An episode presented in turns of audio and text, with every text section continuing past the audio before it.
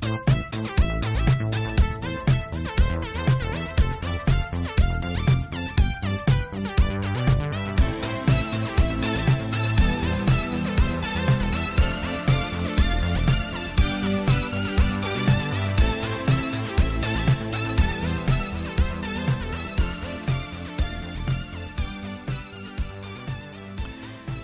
Hej! Eh, hjärtligt välkomna ska ni vara till Radio Rouge. Jag heter Joel Krantz. För det mesta så hör ni mig tillsammans med Åsa Fredriksson. Påfallande ofta hör ni mig själv. Idag är ett sådant tillfälle när ni hör mig själv. Hur, eh, hur är er dag? Har ni det bra? Känner ni er trygga och nöjda och eh, bekväma i er själva? Radio Rouge eh, är en eh, delvis politisk pratpodd. Det, är det vi har sagt. Eh, delvis därför att allting kan inte bli politiskt. Samtidigt så säger vissa att det, det privata är politiskt och det personliga är politiskt.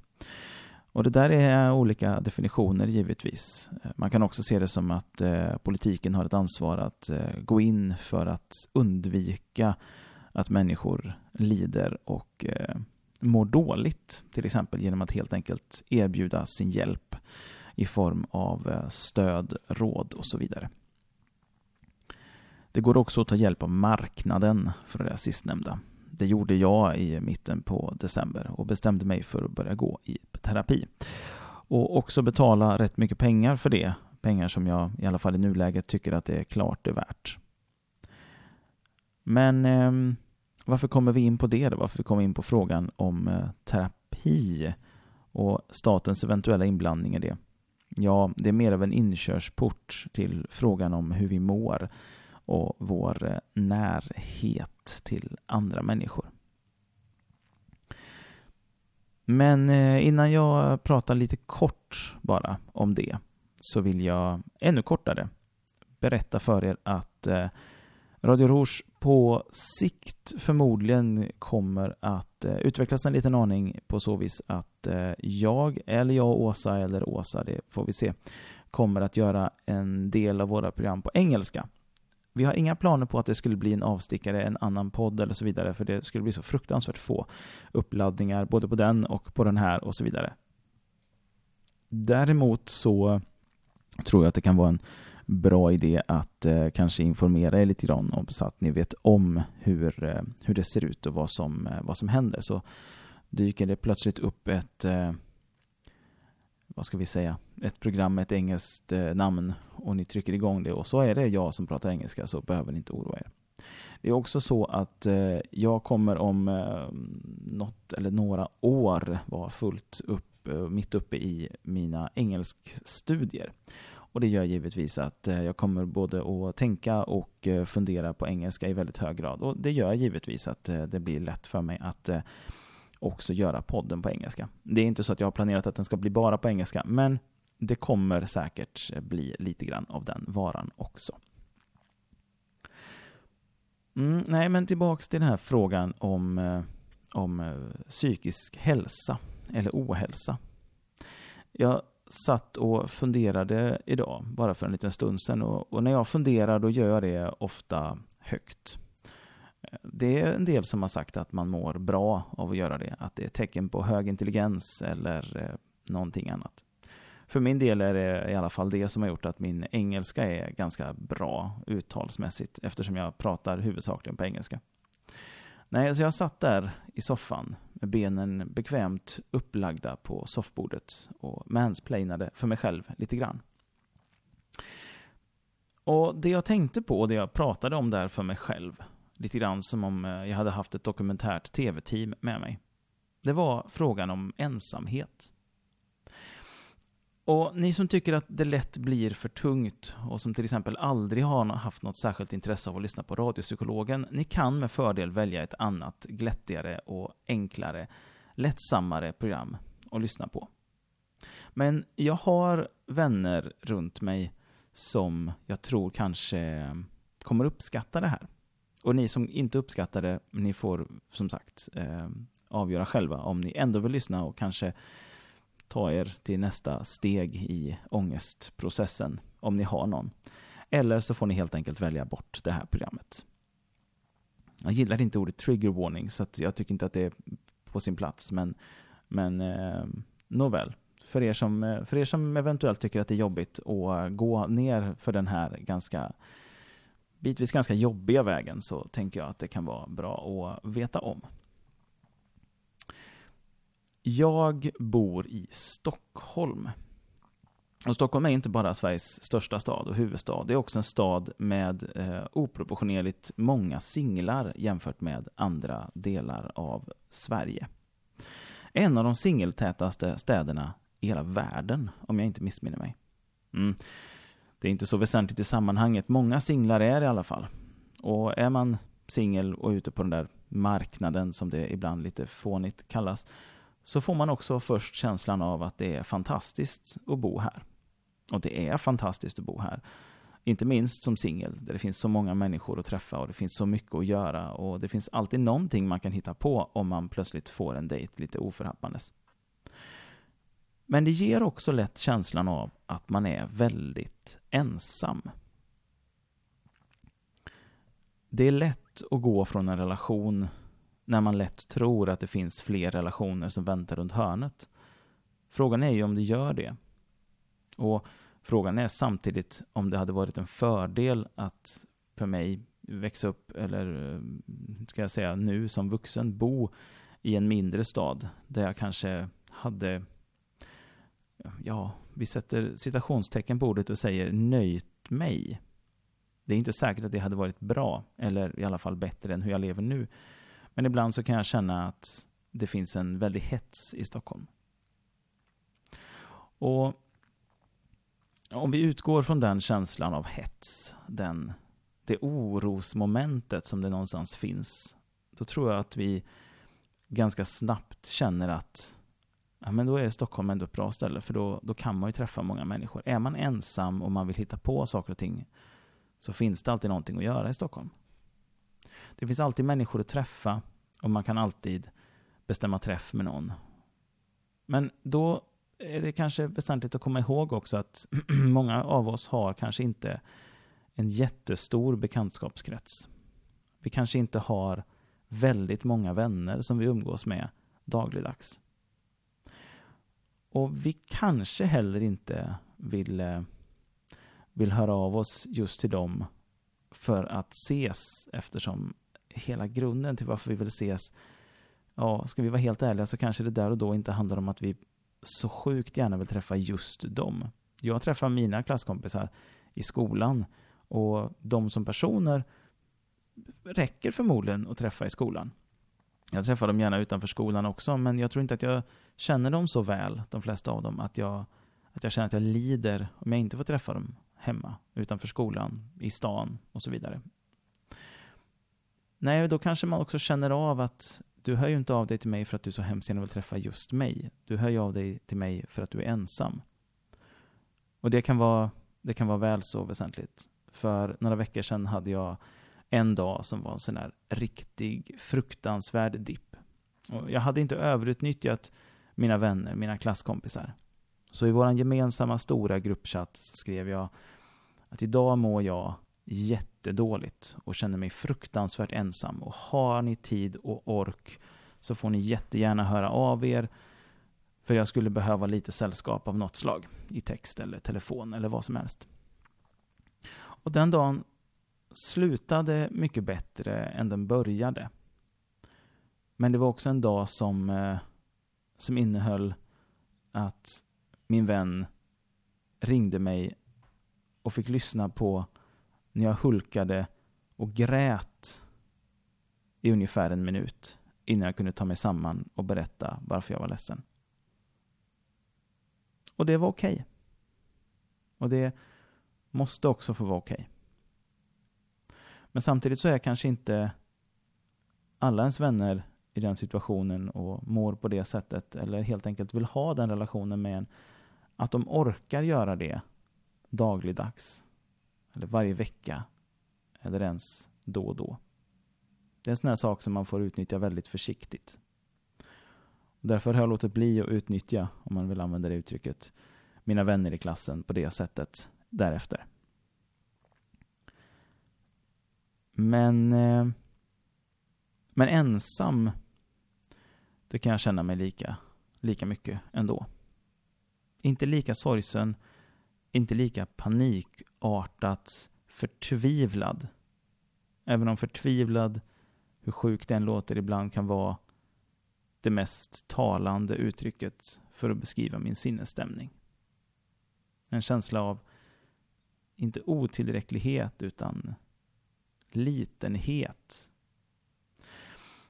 Och just förtvivlan kan också vara förfärligt skönt att känna ibland.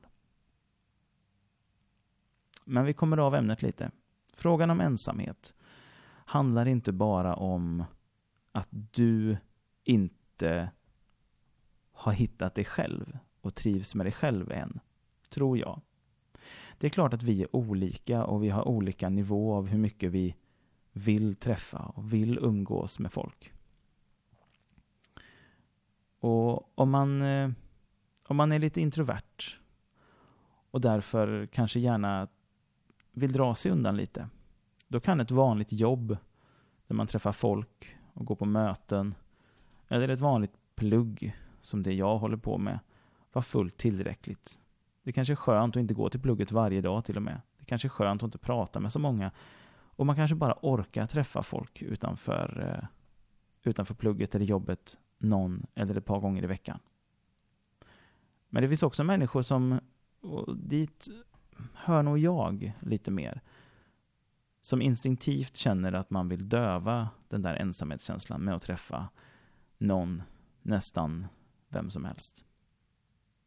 Och det är den ensamheten som jag tror vi ska försöka gräva lite djupare i nu. Var kommer den ifrån? Det blir spekulationer givetvis, men jag upplever ändå någonstans att den känslan av ensamhet, den kommer inte av att man kanske nyligen har blivit lämnad eller lämnat, även om det kan vara så att man inte har en person att hänga upp sig på på samma sätt som man gjorde förut. Om det nu är frågan om att man har lämnat en relation. Det behöver inte heller handla om att man inte har så mycket kompisar. Det kan också bara handla om en sån enkel sak som att vi människor som ju är utpräglade flockdjur, sociala till naturen, som har levt i ett samhälle där vi har haft en liten grupp, förmodligen mellan 20 och 100 individer, som har levt nära varandra, som har rört sig över stora områden, som har jagat tillsammans i grupp och som helt enkelt alltid har strävat efter att försöka komma överens. Apropå det här med konsensus som du minns senast. Och som helt enkelt känner att man behöver det där sociala. Och sen tänker ni att ni tar den personen. Och så sätter ni den personen i en låda jag har inte en liten låda då, utan en lägenhetslåda. En lägenhetslåda som i mitt fall är 59 kvadrat av eh, en väldigt trivsam och trevlig karaktär. Är den eh, nystädad och, och bortplockad och fin, att då skulle man kunna sälja den för ett antal kronor. Men det är liksom inte väsentligt. Nej, så det är en fin lägenhet och sådär, men den är ju så fruktansvärt tom. Nej, inte på grejer. Det finns alldeles för mycket grejer i min lägenhet givetvis. Men det är bara jag där. Om, om jag inte heller är i lägenheten, då är den ju inte tom. För då är ju inte jag där. Men min lägenhet med bara mig, den är jättetom. Den kan vara så tom så att jag kan, jag kan komma på mig själv med att sitta i ett hörn och lite grann undra vad ska jag använda resten av lägenheten till? Men det där med att sitta i ett hörn kan också handla om att man helt enkelt vill vara skyddad för att man känner sig utsatt och ensam och vill ha lite koll runt sig. Så om vi då tänker oss att vi placerar en av de här människorna som är van vid att ha kanske åtminstone 10-15 personer runt sig mer eller mindre hela dagen som är van vid att man på kvällen lägger sig nära andra människor. Som är van vid att man för att hålla värmen säkerligen ligger två eller fler personer ganska nära varandra under samma täcke, filt eller fäll. Ta en sån person som har vuxit upp hela sitt liv i en sån här grupp. Sätt honom, henne eller hen i en sån här lägenhetslåda. Ge dem allt de behöver. Ge dem ett eh, utvecklande och tillfredsställande och intressant jobb. Du kan till och med göra en arbetstidsförkortning. Sådär som vi pratar om och som jag så gärna vill att vi ska göra för att få mer fritid och bli lyckligare i våra liv. Gör gärna det. Vi kan ändå komma till samma slutsats. Säg till den här personen att eh, du går hemifrån här och sen går du bort till det där jobbet och sen är du där. Sen är du där dina sex eller åtta timmar. Och du kommer att träffa folk. Det kommer vara ganska trevligt. Ni kommer att prata om jobbet. Ni kommer säkert att prata om era liv utanför jobbet. Och eh, sen så kommer du sitta ganska mycket själv också vid din dator och så vidare. Ja, vi, vi låtsas att den här personen förstås inte är grottmänniska längre, men ändå har den typen av social kodning. Sen, när arbetsdagen är slut, då nickar alla andra hej då till varann och till dig. Och det är dags att gå hem. Klockan är fyra. Du går vägen om mataffären. Du kommer hem. Du eh, fixar lite middag. Och du sätter dig, ja, du sätter dig nog inte vid, vid köksbordet i köket. Det är lite ensamt där. Du sätter dig förmodligen i soffan och så har du kanske en TV eller en dator framför dig som du kan umgås med. Jämför den känslan. Jämför de två upplevelserna, de två helt skilda sociala liven. Jag säger inte att vi måste vara runt människor alltid. Men när jag ges de två alternativen, då känner jag för min del nästan att jag hellre skulle vilja leva som jägare och samlare med många andra människor runt mig. Att aktivt behöva sträva efter ensamheten, den är säkert inte svår att nå. Det finns säkert möjlighet att ta en kort promenad ifrån de andra och säga att nu behöver jag vara själv en stund. Komma ifrån, få sitta själv och sen återansluta till gruppen. Men det här. Vet ni hur liten min flock är? Varannan vecka är den en två. Och varannan vecka är jag en. En flock på en. Det är en väldigt liten flock. Den är så liten att jag ibland känner mig ensam och till och med förtvivlad.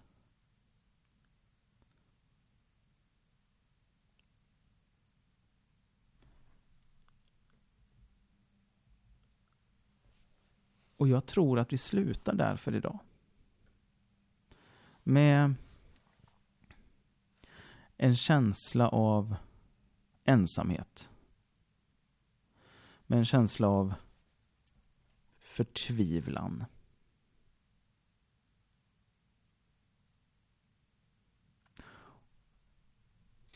Och så tänker ni er att ni ändå får till det.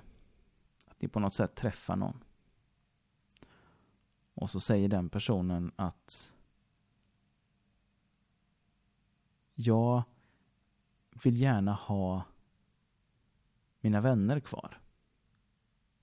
Ja, tänker du, det är klart att du ska ha dina vänner kvar. Ja, men jag vill, jag vill verkligen, jag har alltid prioriterat mina vänner och det vill jag fortsätta göra.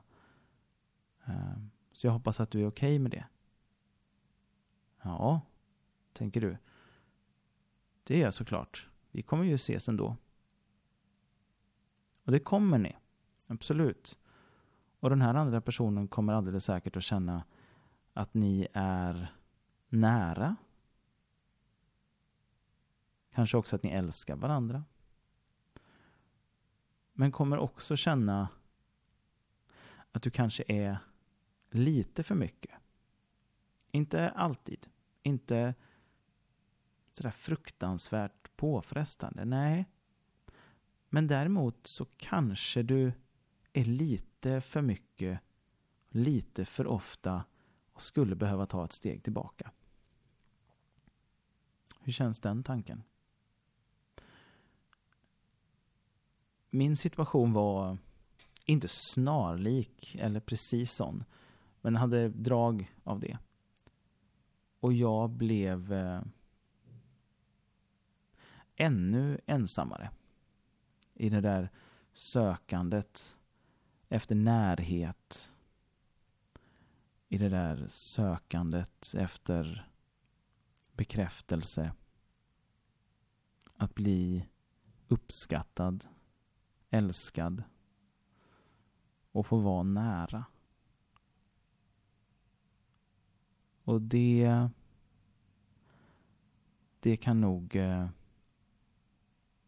det kan nog inte något mått av självutveckling och hitta sig själv och trivas med sig själv ge mig.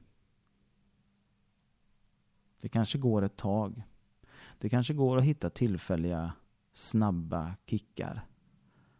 Det kanske går att hitta någonting som är tillfälligt och snabbt men fortfarande djupt och innerligt. Men på sikt tror jag att jag måste känna att jag är trygg lika mycket som att jag inte är ensam. Och att jag vet att den där tryggheten också finns kvar. Att den närheten är någonting som jag får även imorgon och sen och längre fram. Och då tror jag att både jag och vi överlag är beredda att investera en hel del i det.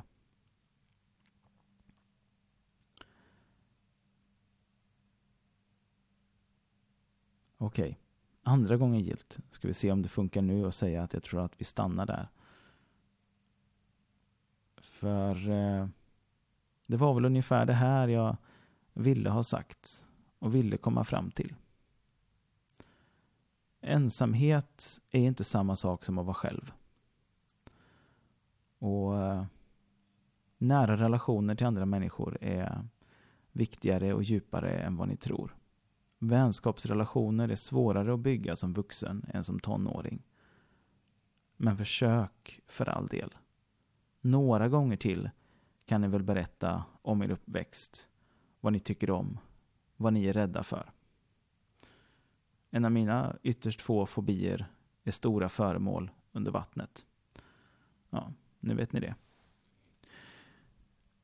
Du lyssnar på Radio Rouge.